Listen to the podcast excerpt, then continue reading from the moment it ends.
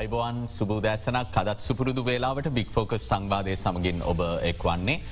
අද ඉතාම වැදගත් මාතෘකාවක් ගැන අවධානය යොමු කරන්න සූදානම් ඔබ මේ වන විටත් දන්නවා ඉන්දියාව සහ කැනඩාව අතර රාජතාන්ත්‍රික ගැටුමක් නිර්මාණය වෙලා තිබෙනවා අපි පසුගිය දින කිහිපේම අද දෙරන ප්‍රෘති ප්‍රකාශයන් තුළින් වගේම ගලෝබල් ඇංගල් තුළිනුත් ඔබට තොරතුරු කිව්වා මේ ගැටුමේ වර්තමාන තත්ත්වය පිළිබඳව.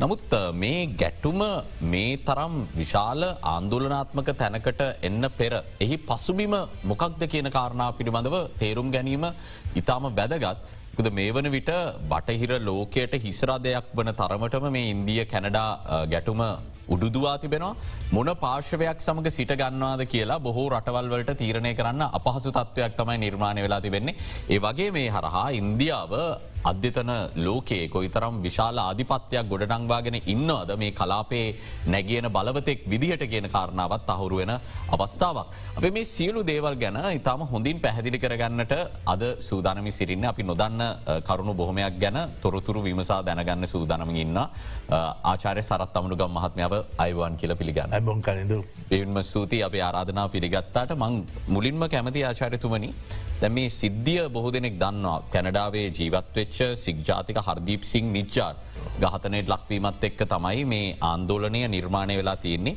ඉන්දියාවේ රිජු සම්බන්ධයක් තියෙන බවට චස්ටින් ටරඩෝ චෝදනා කිරීමත් එක්ක. ඊට කලින් මං කැමති මේ කාලිස්ථාන බෙදුම්වාදය මොකක්ද පංජාබය තුළ සික්ජාතිකයන්ට වෙනම රාජ්‍යයක් කියන සංකල්පය ඉතිහාසයට අපි ගිහිල බැලුවොත් එතරින් පටන්ගතු ලේසවේ කියලම විශ්වාස කරනවා. ඕ කලින්දු අපි ඒ විදියට බලනවා නං අපේ මතකය යවන්ඩෝනේ නිදහස ඔන්න මෙන්න කියලා බ්‍රතාාන්‍ය අධිරාජ්‍යවාදීන් ඉන්දියාව සහ පකිස්ථානය බෙදන ඒ අවධිය කෙරෙහි. මොකද නිදහස දෙනකොට ඉස්සර එකම බ්‍රිටිෂ් ඉන්ඩියා කියලා තාඥ ආධිපත්‍යය තිබුණ ඉන්දියාව ඉන්දියාව සහ පකිස්ථානය කියෙන දෙකට බෙදුනා. ඉරි ඇඳලා තමයි නිදහස දුන්නේ. එතරත් ප්‍රශ්නයක් තියෙනම් දැනුත් ඒ අපි පස්සේ වුණ සාකච්ඡා කරෙක් දැන් ඉන්දියාවර ව්‍යවස්ථාව ඉන්දියාව කියන එක භාරත් කියලා දාන ප්‍රශ්නකුත්වන ඒ අපිට දැනට අදාල නෑ. මුත් එහෙම අඳිනකොට ප්‍රාන්ත දෙකක් දෙකඩ වුණා. ඒ ප්‍රාන්ත දෙකේම හින්දු ජාතිකයෝ සහ මුස්ලිම් ජාතිකයෝ සහ අන්‍ය සීක් ඒ තුන් කොටසම විශේෂයෙන් පංජාබේ. පංජාබේ ඉරි අඳනකොට මුස්ලිම් කොටස ගයා එක පැත්තකට. අනි පැත්තාව සික් ජාතිකයෝ ඒ කොටස පංජාබ ඒ කොටස ආව ඉන්දයානු ෆෙඩරේෂ් ඉන්දයානු ඒ රටට. අනි පැත්තෙන් බෙංගාලයත් දෙකට කැඩුණ. බෙංගාලය උතුරු බෙංගාලය නැගිනහෙට බෙංගාලය කර දෙකට බෙදලා දැන් එක කොටසක් ගිහිල දැන් බංගලදේශ වෙලා තියෙන ඉතුරු කොටස ඉන්දියාවේ බෙංගාල් ප්‍රාන්තය බවට පත් වෙලා තියෙනවා. අද අපි කතා කරන්නේ මේ පංජාබේ දෙකට බෙදීම ගැන. තොට එක කොටසක් ගියා පකිස්ථානයට. පකිස්ථානයේ එලිට් එකැන් ඒගොල්ලන්ගේ එක විදිහකින් අපිට කැන්පුල ප්‍රභූ පන්තිය පංජාබ්කාරයෝ ඒ රේකාවෙන් එහා ඉන්නවා. එතකොට මෙහා ආපු අය ඉන්දියාවට ඇතුල්ලුනේ කොහොමද ඉන්දියාව කියන මේ ලොකු රටට නේරු විශාල ප්‍රයත්නයක් දැරුව එගොල්ලොත් කිසිම හිතරි දෙවීමක් නැතුව මේකට එන්න කියලමක දෙගොලන්ගේ අනන්‍යතාවයක් තිබුණා. ඒකාල එක යෝජනාවකාව මේ උතුරයි නැගර පංජාබය එකක් කරලා රටක් කරන්න. බෙංගාලේ ඒ කොටස් දෙක එකක් වන වෙනම රටක් කරන්න. ඒ සංකල්පයට ගිය නෑ. මේක දෙකට බෙදුව හතරකට බෙදුවේ නෑ. එතකොට නව අගමැති හැටියට නේරු විශාල ප්‍රයත්නයක් දරලා මහන්සි ගත්ත මේ පංජාබේ ඉතුරු කෑල්ල ඉතාම සුහද විදිහට ඉන්දියාවට ඇතුල් කරගන්න.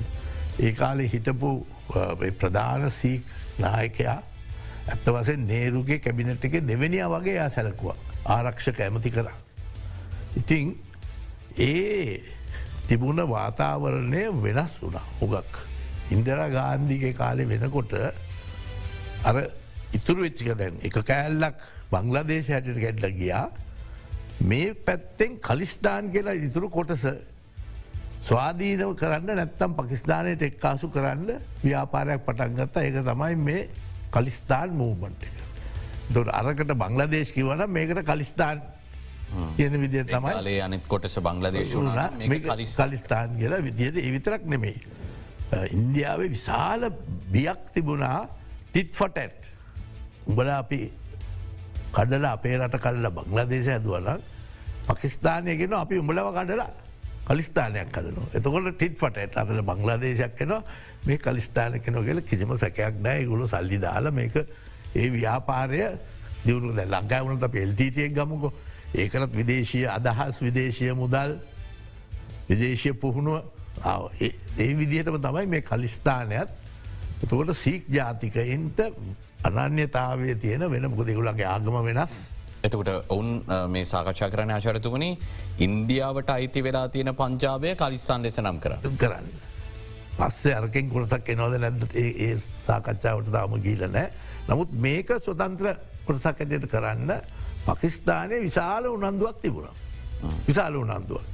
දැකතුට ඉන්දියාව නිදහස් වෙලා නේරු යුගෙන් ඇත්තලා යනකුට ඒගොලට ලොකු වාර්ගික ප්‍රශ්න වගේයක් ආව.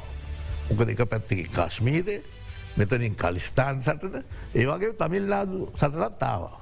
මොකද ඉන්දියාව ඒකාලිකිවේ අපිට බාසාාව ගැන ප්‍රශ්නයක් නෑ සංස්කෘතිය ගැන ප්‍රශ්නයක් නෑ මේගොල ඔක්කොම හිදි බාසාාව ගෙන ගණ්ඩුව. හින්දි ඒකාධිකාරය. ඒ වෙලාවේ දකුණේ තමිල් නාදේ විශාල සටරක්කාව තමිල් සංකල්පයාව ඒකටන ඊට පස්සේ තමයි ඉන්දියාවෙන් ලිංගවිස්ටික් ස්ටේට් කියෙන සංකල්පයාවේ. භාෂාව අනුව ප්‍රාන්ත හදාගන්න ඉතිසල එගොල එකට එකඟ වුණේ නෑ. ඊට පස්සේ තමයි තමිල් නාඩු කරනාටක බෙංගෝල මේගුලගේ ප්‍රාන්ත ඒ භාෂා අනුව ස්ටේටස් බවට පත් වනේ. කෙසේ නමුත් මේ ඉන්දයා පකිස්ථාන් ගැටුමේ ප්‍රධාන මාතෘකාව බවට පත් වනේ අර බංල දෙෙස්ද ගිහිල ඉවරයි මේ කලිස්ථාන්.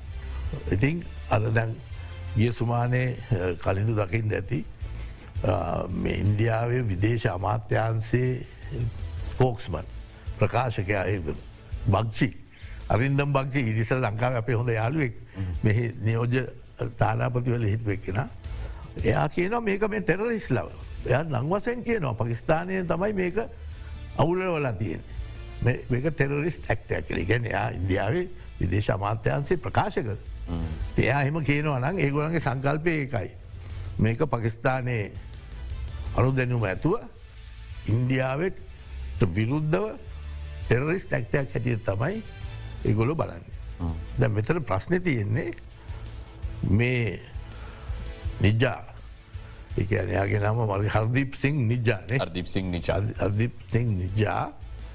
රූඩෝ කියන එයා කැනේඩියානු පුරවැසි. මරලා තියෙන්නේ කැනේඩියාවට භූමි ප්‍රදේශ ඇතුළේ කියන්නේ බ්‍රටිෂ් කලම්බිය කියන්නේ කැඩදාව ප්‍රාන්තයක්න තම වැදගත් ප්‍රාන්තයක්. ඒ ප්‍රාන්තයේ තමයි වැඩියම සීක් ජාතිකයෝ ඉන්නේ ඔය ඉන්දියාව ඒ ප්‍රදේශයට පංජාබයෙන් පිටස්තරව විශාලම සංඛ්‍යාවක ජන සංඛ්‍යාවක් ඉන්නේ ඔය බ්‍රිටිෂ් කොළම්බියාවට. මම ඉඳලත් තියෙනොයි එක එක තැන්වල ගුරු දවාර් තියෙනවා. ඉගොල්ලන්ගේ ඔබතුම එක්දශ්‍රම සැහත්ත තුනේ කැනඩාවේ ශිෂ්‍යයෙක්ව අවුරු ප්‍රාන්තය. මම හිතියගේ සැස්කචුවන් කියන එක. නමුත් අපි නිවාඩුවට අරමට යනවා පිටිෂ් කල පිටි හොඳර මන්දන්න මට උගන්නපු මගේ මහාචාරයවල ඊට පස්සෙක් බ්‍රිෂ් කොළම්ියට ගිය ඉන්නමත් තරමදුරට දන්න පිටිෂ්කලතු අන්තේ UBC කියන විශ්වවිද්‍යාල හොඳ චිර ප්‍රසිද්ධ විශ්වවිද්‍යාලයක්. ඉතින් දැන් උතනයි ඔය ප්‍රශ්න තියෙන්නේ. මේක දැන් ඉන්දයා පකිස්ථාන් සටනෙත් කොටසක් බවට පත්වෙලා තියෙන. ති හැමෙක් කෙනම තමන්ගේ ස්ථාවරය ඉඳගෙන මේක විසදන්නයි. ටරූඩෝ කියන මේ අපේ රටේ ඇවිල අපේ පුරවැසියෙක් ඝාතනය කළ ගිහිල තියෙනවා. අපට සාක්ෂි තියනවා මේකට ඉන්දයානු තානපති කාරයාලත් සම්බන්ධය එකන යාව අයිකරවේ එතු ඉන්දියාව කියනවා නෑ. මේක පකිස්ථානය විසින් ස්පොන්ස කරපු මේක ටෙරිස් කෙනෙක්. එය ඇවිල්ලා ඉන්දියාවේ අභ්‍යන්ත්‍රකටයුතෝලට ඇගිලි ගහන කෙනෙක්. නමුත් අපි මේ මරණයට මේ ඝාතනයට සම්බන්ධ නෑ. දැන ඊයේ ආචරිතුමනි මේ කාලිසාන විමුක්ති බෙදුවාදී සංවිධානයේ තවත් ප්‍රමුඛ පෙළ සාමාජිකෙක් වෙච්ච සුකා දුනකේ කියන කෙනත් ගාතනයට ලක් වුණා. ඔහු ගාතනයට ලක් වෙන්නේ කණ්ඩායම් දෙකක් අතර සිදුවච්ච ගැටුමකින්. ඉන්දියාවද මෙය හවා දක්වමින් කියන මේ හැමකටම අපි සම්බන්ධනෑ මොවුන් ගැටුම්බලින් මියන්නේ කියලා. දැ ඔතන අපිට මතක තියාගන්න ඕනේ ඇත්ත වසයෙන් මේ සීකාරයෝ බ්‍රටිෂ් කොළොම්බිය විසිසින් කැන්ඩාවේ ප්‍රාන්තයට ගිය නිදහසටත් ඉස්සර. ඒකැන ඒගොල්ලො ගිහිල්ලාව ඒගොලු ගැනව ලම්බ ජක්ස කිය කැලේ ගිල ගස් කපලා ඒ වෙළදාං කරන්න නිදහසට ඉස්සරහිටම ප්‍රබල සීක් කොමියනිටිය සීක් සමාජයක් තිබුණ ඔය බ්‍රිටිෂ් කොළම්බිය මේ මෙතරම් විශාල බලපෑමකාශයටතුමනි කරන්න පුළුවන්ද මේ? දැන් අපි මේ කතා කරන පංජා ප්‍රාන්තයෙන් කිලෝමිට දස දහස් ගානක් ඇත කැනඩාවේ බ්‍රිටිෂ් කොළොම්බිය ප්‍රාන්තියන සීක් ජාතිකයන්ට මේ බෙදුම්වාදී සංකල්පය පෝෂණය කරන්න මේ තරම් විශාල බලපෑමක් කරන්න පුළුවන් වෙලා තියෙන්නේ. ඇයි ඒ? ඩයිස්පෝරාව සතු මුදල් නිසාද? අපිත් මේ එල්ටක් කාලෙත් මේ සම්බන්ධෙන් කත ඇතවසේ ඒකයි මම කිවේ දැන් අපි මේ විදේශ කරුණු ගැන සාකච්ඡා කරන එක අපේ දැන් එලි පැත්තටම ඒ ප්‍රශ්න ඇවිල්ල තියෙනවා. මොකද එක විදිියකින් ඒත එල්ට එක කැන්ඩා උච්චර ප්‍රබල නෑ. නමුත් අපි බලපු හම එල්ට එකත් ඔය කලිස්ථාන් කාරය වගේ තමයි. ඒ ඇතුළේ දේශපාලන පක්ෂවලට ගිහිල්ලා එතන බලපෑම් කරලා තම තමන්ගේ ඒවට ගැන රයිඩිංස් ආසනවලට ගැන රයිඩිංස් කළ ඒ ආසනවල ප්‍රබාලත්වයක් ඇති කරගෙන කැනඩාවට බලපෑම් කරන්න. දැන් අද වනත් කැනඩාව තමයි අපි ජනීම ගිහාම අපට විරුද්ධ වැඩියම කතා කරන්න කැනඩාව. ප්‍රබලව කතා කරන්න කැනඩම්කොදමන් කීපසරයක්ම ජනීව ගිය. එතන අනිවාරයෙන් කැනේඩියානු ඒ ඩෙලිගේෂන් එක තියෙන දූත මණ්ඩලේ ඒක ඉන්නවා ආනන්ද සංගරී ගැරි ආනන්ද සංගරී දැන් එයා මගේත ඇමති කෙනෙක්. එයා ඇවිල්ලා ස්කාබරෝ කියන ඒ කොටස ඔන්ටේරියෝ ටොරොන්ට කොටසේ යෝජනය කරන යෝජන මන්ත්‍රී ඒක වැඩි දෙනා ඉන්න ද්‍රවිල් ජාති.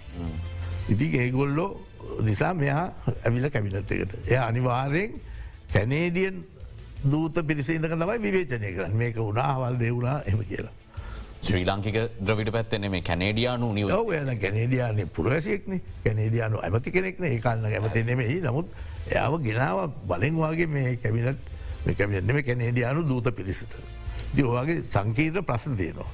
එහින්ද මේ කලිස්ටාන් මූව්මන්ට් එක නවත්ත ගණ්ඩ ඕන නං ඉන්දියාවට කොරස් දෙකත් තියෙනවා එකත් තමයි දියස් පෝරාව අන්තක පකිස්ථානය.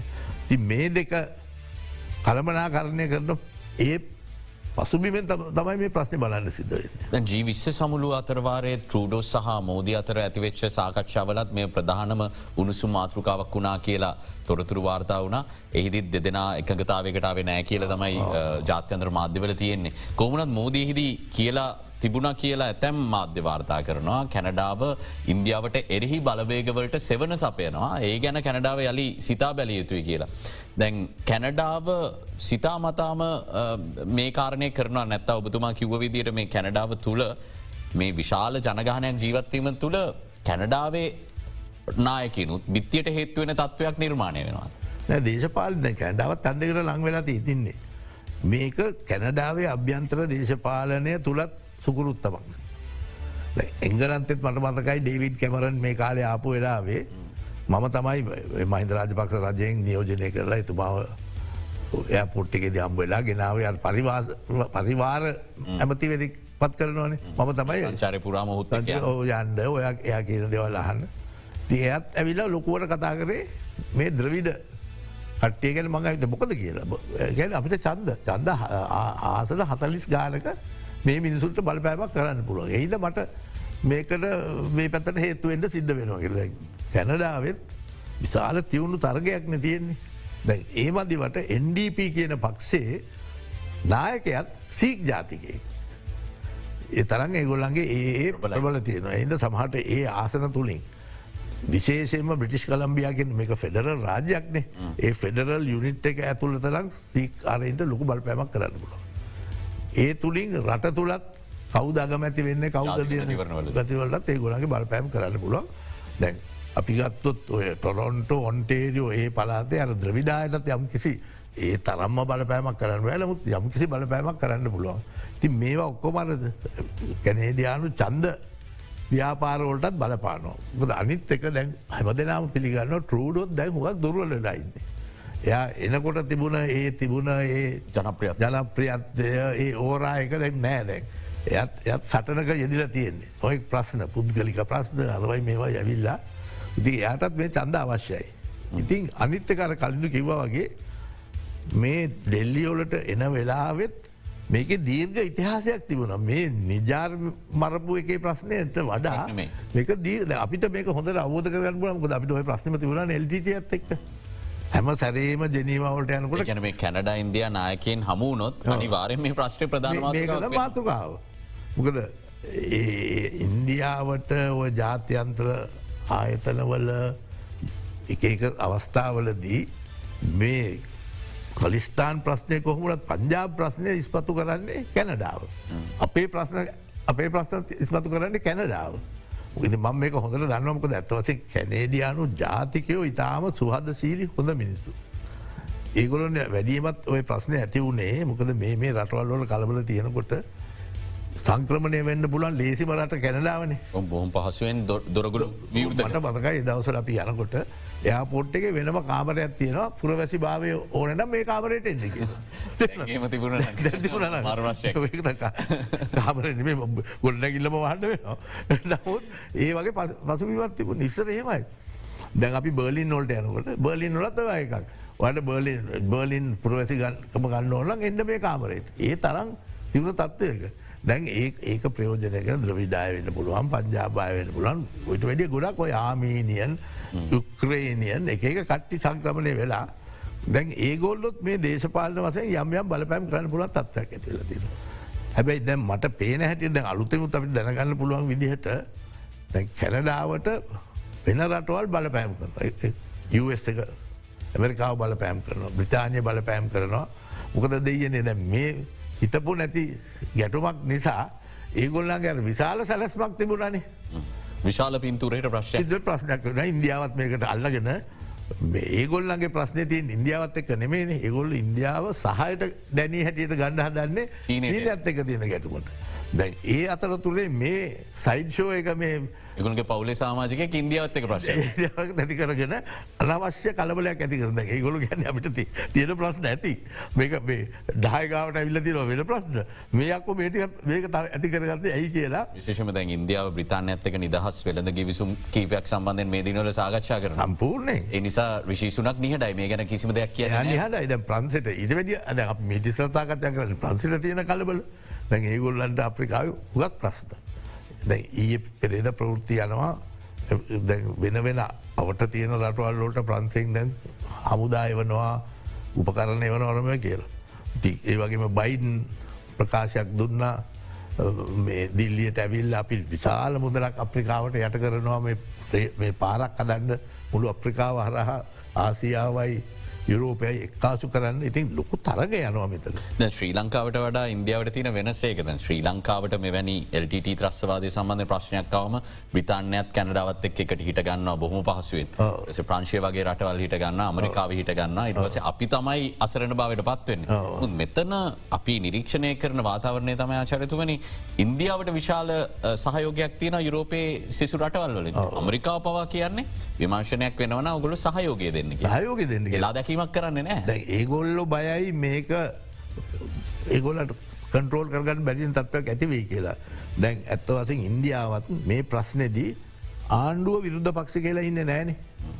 විරුද්ධ පක්ෂෙත් සම්පූර්ණ සහයෝග දෙනවා ආණ්ඩුවට. අපේ වගේ අපේ වගේ නෙමෙයි. ද මීට ඉස්සරත් ඔය වගේ ප්‍රශ්නයක් ඇතිවුණාම එක ඉතාම ආදර්ශපත් තත්ත්වයක් නරසිම්ම රාව ගමැති කාලේ එයා කිව විරුද්ධ පක්ෂි නායකතුමා. කවුද? අපේ මම සමාන බාධ කරට අපේ ආචරිතුවනේ විපක්ෂයට ගියාම දහතුන්ගනි සංශෝධනය හොඳ නෑ අන්ඩුවට ගියාම ඉන්දියාව අගමැතිතුමා කිව්වා මේ ප්‍රශ්නය ගැන රට වෙනුවෙන් කතා කරන අතුල් වාජ්පායි අතුල් බැහරි වාජ්පායි විරුද්ධ පක්ෂේ නායකයා තමයි අපේ රටේ තත්ස්ථාවරය ලෝක ඉදිරිපත් කන. ඒ වගේ සාමූහිකත්වය ගොලග තිබුණ අගමැත්තුමාට කියන්න පුළුවන් වුණා අපේ ජාතික ප්‍රතිපත්තිය දැන් ඉදිරිපත් කරන විරුද්ධ පක්ෂේ නායකතුමා.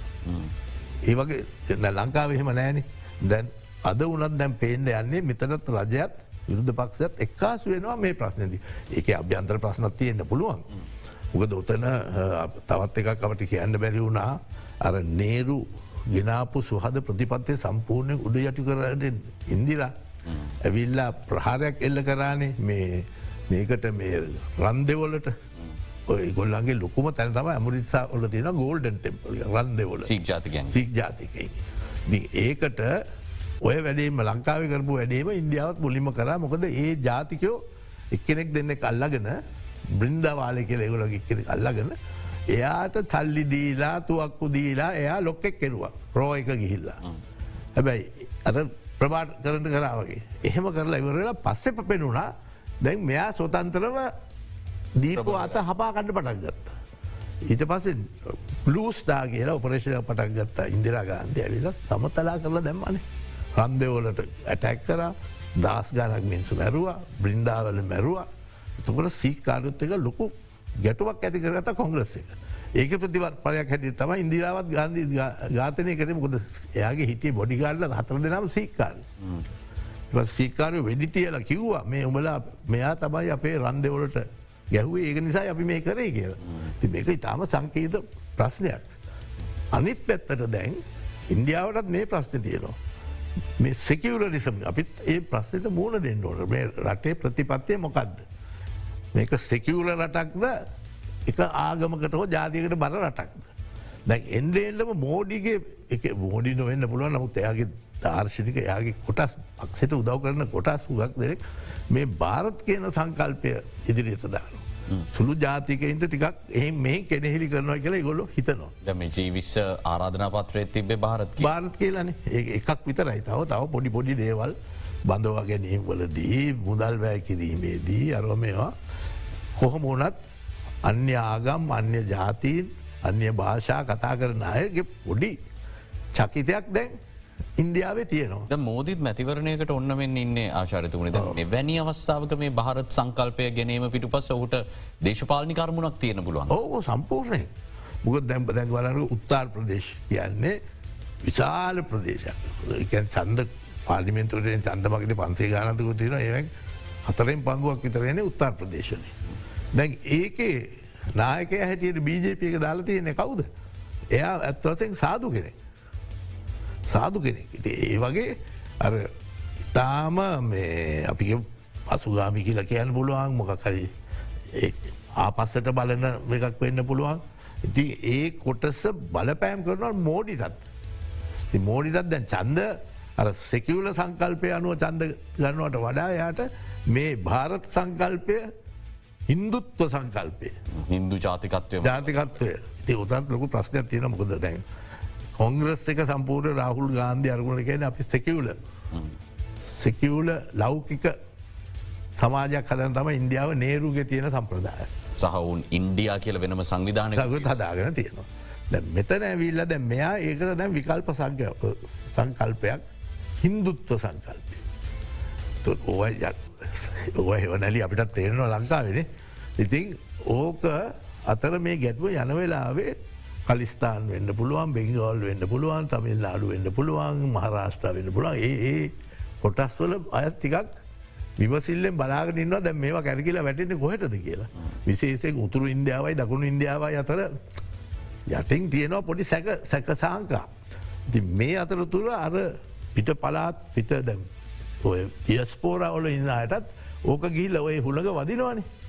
නැත ආබහු එක පාරට මේ කලිස්ථාන් එක නැගලාවයයි වැහිලා වගේ තිබුණන. ඉතින් මේ ඉන්දියාවත් මේ දේශිකත්වයත් හින්දුත්වයත් කියන සංකල්ප එක පැත්තකට යනකුට ඔය අනිද්‍යස් පෝරාවල් වලත් සැක්ක සංකා වැඩිවෙන්න ඉඩ තියෙනවා. තිමික ලොකු ප්‍රශ්නයක්. හොඳයි මහිතන්නේ ඉතාම හොඳ අවබෝධයක් ලබාගන්නට හැකියාව ලැබුණා විශේෂෙන්ම මේ සිදුවීම් මාලාව සම්බන්ධයෙන් උනන්දුවෙන් ඉන්න අපි බොහෝ දෙනෙකුට අපි තවදුරටත් සාකච්ඡා කරන්න බලාපොරොත්තු වනවා විමසන්න බෝධේවල් තියෙන. ඉට මත්තෙන් කෙරි විරාමයක් එක්මනින්ම යළිත් හවන.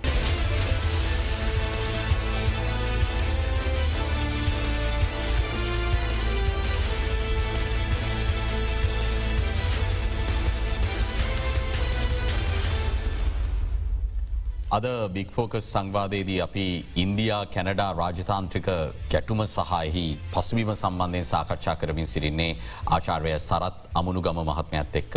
ආචාරිතුමනි දැන් කැනඩාවේ ඇතැම් පලාත්වල සංචාරය කිරීමෙන් වලකින් ලෙස ඉන්දියාව උන්ගේ පුරවැසියන්ට දැනුම් දෙනවා. කැනඩාව ඊට ප්‍රතිචාර වශයෙන් ජම්මු කාශ්මීට සංචාරය කිරීමෙන් වලකින් ලෙස කැනඩාවේ පුරවැසියන්ට දැනුම් දෙනවා. දැන් අපි බූදේශපාලනය අමතක් කළ මේ රටවල් දෙකාතර සම්බන්ධතා ගැන පමණක් අවධානයමු කරොත් මේ ගැටුම මේ ප්‍රබල රටවල් දෙක දෙකක් අතර මේ සිදුවන ගැටුම උන්ගේ පුරවැසියන්ට උන්ගේ ආර්ථිකයට මොනවගේ බලපෑම් එල්ල කරන්න පුළුවන්ද. දැන් ඔය විදේශ සම්බන්ධතා ඔලදි තියෙන එක එක ගුණ්ඩු තමයි දැන් එකක් ඉස්සල්ලාම තානාපතිවරෙක් අයින් ඒ ඉස්සල්ලාම ඉන්දියාවත් හිටපු තානාපති කාර්යාලයේ උසස් නිලධාතිී. දින පහක් දුන්න ඉට වෙන්න හිට වෙන්නක තහන කරලා යව්ව. එතොට ඒකත් එක්කම ඒගොල්ලගේ සම්ප්‍රදායනුව මේ පැත්තෙනුත් ඒ වැඩේම කරනවා. එතොට කැනේඩියන් එක්කෙනෙකුත් ආපහු යවල තියන කැනඩාවට ඉන්දියන් එක්කෙන ඉන්දියාවටාව කැනඩියක. ඊට පස්සේ කිව්වා වීසා දෙන එක අඩු කරා.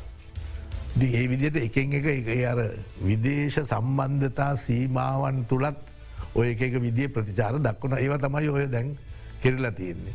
මේ රට තහනක් කරනවා රට තහනක් කරනවා වීසා දෙන්න නෑ තානාපතිවරු හුවමාරු කරනවා එක එක්කෙන කාර්යාලයට ගෙනල්ලා ඒගොලන්ට අවවාද කරනවා ඒක තමයි ඔය විදේශ සම්බන්ධතා සෙල්ලම. දැ ඒ ඒක ඇතුළේ තමයි දැනට ඔය යන්නේ. රාජතාන්ත්‍රිකයන් කටයුතු කරන විදිහ රාජතාන්ත්‍රය කටයු කරන විදිය ඒවා ඇත්ත වසයෙන් සංකේතාත්මක. ඒවාගේම නිකං පනිවිඩ දෙන ක්‍රම.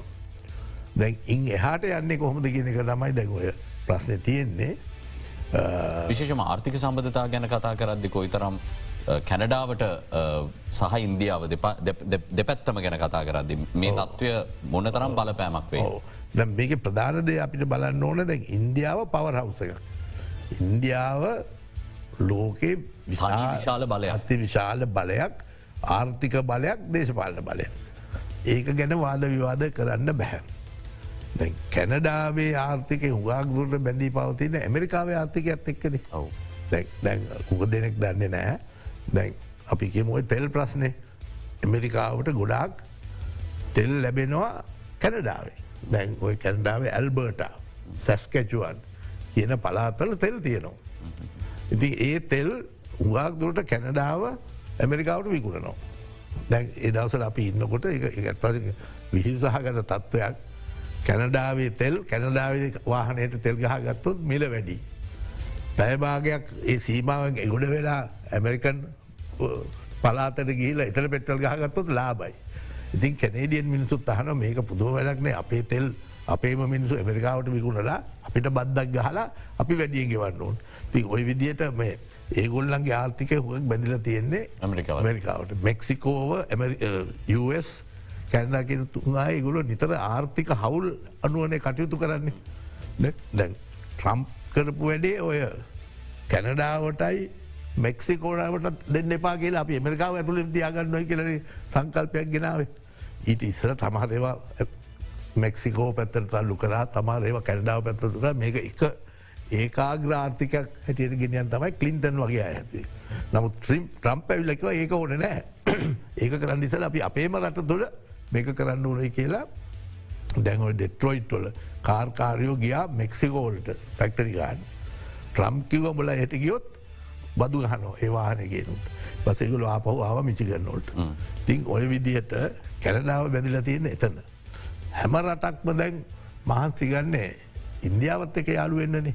විශේද මැක්කරොන්නාව ශුල්සාාව බයින්නාව ඔක්කොම ලෝක ශියාව කොම ප්‍රධාන නායකෝ දැ ඉන්දියාවට ඇවිල්ල ගියානේ G20 එකත් එතනනේ තිබ්බේ ද මේ බාහිර ප්‍රශ්නයක් ආචරතුමේ දැ මෙතරම් විශාල බල කඳවුරක් අපේ අසල් වැසියා බවට පත්වෙලා ඇදිද්දි. ඒවගේම මේ කලාපේ ලෝකෙ දෙවනි දැවන්ත මාර්ථික වෙච චීනය තිබියදී. ශ්‍රී ලංකාව ඉන්දියාව සහ චීනය කියන පාර්ශව දෙක හරියාකාරව තුලනය කරගෙන මේ බලකඳවරු දෙකෙන් අපිට යම් කිසි ආකාරයක ප්‍රතිලාබ ලබා ගන්න කටයුතු කරන බව පේන්න තියෙනද. තාම හොඳ ප්‍රශ්නයක් කලිතු. මේ අපි ඉතාම ගැමුරට සාකච්ඡා කරන්න ඕන එක මහිතරපේ පාලිමින්ත සියට අනුවක්වත් මේවා දන්නේ නෑ. දම්මං එකක් කියන්නම් මිනිස්සු බයවේ යත මෙ කියනකට.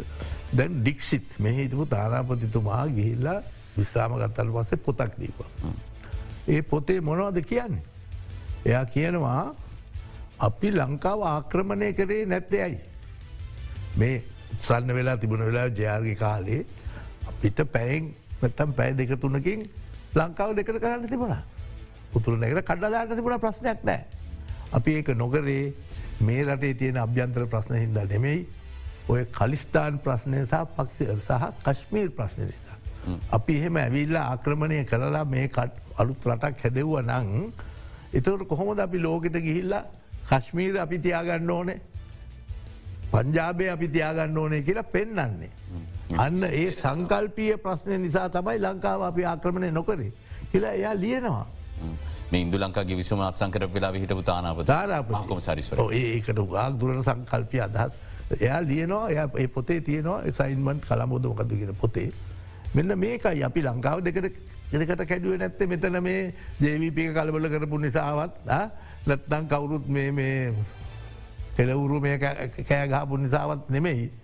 මේ ජාත්‍යන්ත්‍ර ගෝලීය අපිට ඇවිල්ලා අපවාදයක් ලැබේ කියලා තමයි අපි ආක්‍රමණය නොකරේ කියලා ඒ කාලිතු තාරති මොකද මේ මේක? අපි තා ගැමුරට සලකන්න ඕනනේ.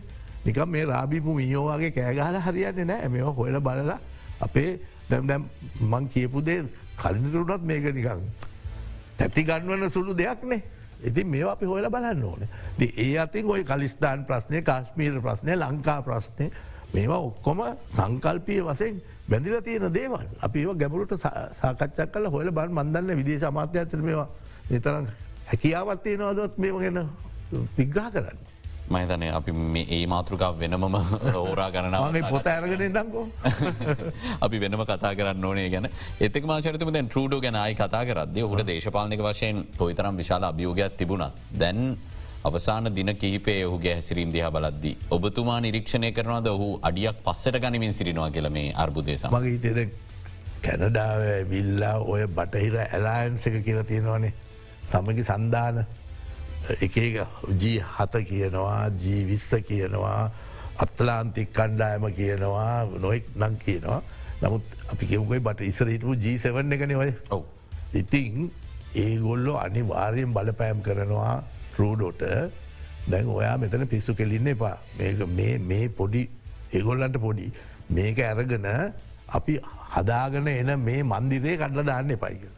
ඒගොල්ලු හදන්න වෙනම වෙනම දෙයක්නේ ඒ ඒ අයගේ අදහස රුසියාවවත් නෙමෙයි. තර්ජනය තියෙන චීනය කියලා. රුසියාවත් මේක මේ අතට මැද ප්‍රශ්නයක්. ඉතින් මේ අපි මේ බඳින ප්‍රාකාරයේ ඇවිල්ල දෙදරුම් ඇති කරන්න එපා මේ වෙලාව කියලා රුලට බලපෑම් කරනවා ඇති. දෙපැත්තක් එය බලන්න එක පැත්ත චන්දදි දන්න බලන්න ඕන. ඒකට සීකාරෙන්ගේ චන්ද ගන්න ඕන බැලුවම ගිරේට අහු වෙලාගේ ගිරේට අහු වෙලා ඉන්න සුළු ජාතිකය චන්ද ගන්න ඕන. අනි පැත්තෙන් එයාට ආර්ථික සහ දේශපාලන බලපෑමෙනවා. ඒ දෙක මැද මට පේන හැටිද ඒත් පෙන්වා වයාගේ. යානිකම් තැතිගත්ත නායකෙක් වගේ නිකම් අප ඇත ඉඩ බලපුහම් පේන්නේ.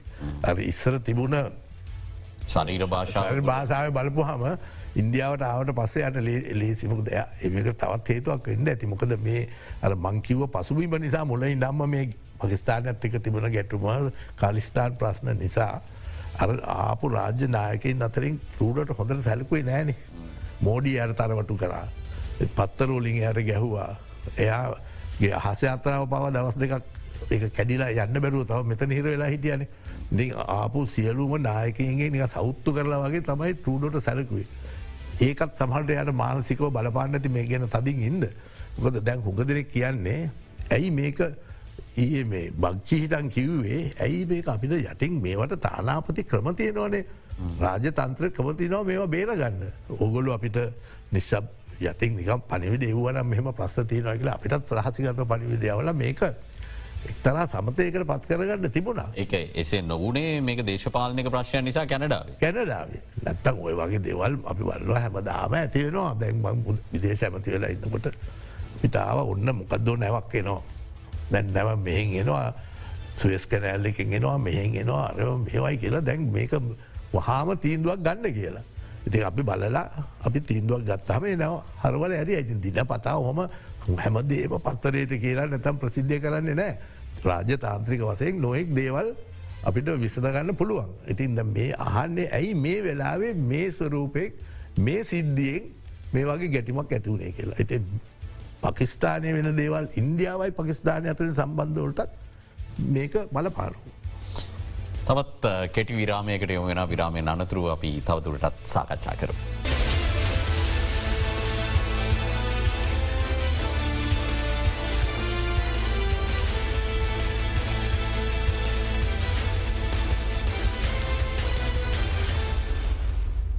ඔයාලිත් බික් ෆෝකස් සමගින් ආචාරය සරත් අමනුගම් මහත්මඇත් එක් අපි සාකච්ඡා කරමි සිරින්නේ තැන් ජගත් ආරක්ෂක මණ්ඩලය ගැන අ, අලුත් කතාබහක් නිර්මාණය වෙලා තිබෙන විශේෂම යුක්‍රේණ ජනාධිපති සෙලෙන්ස්කි.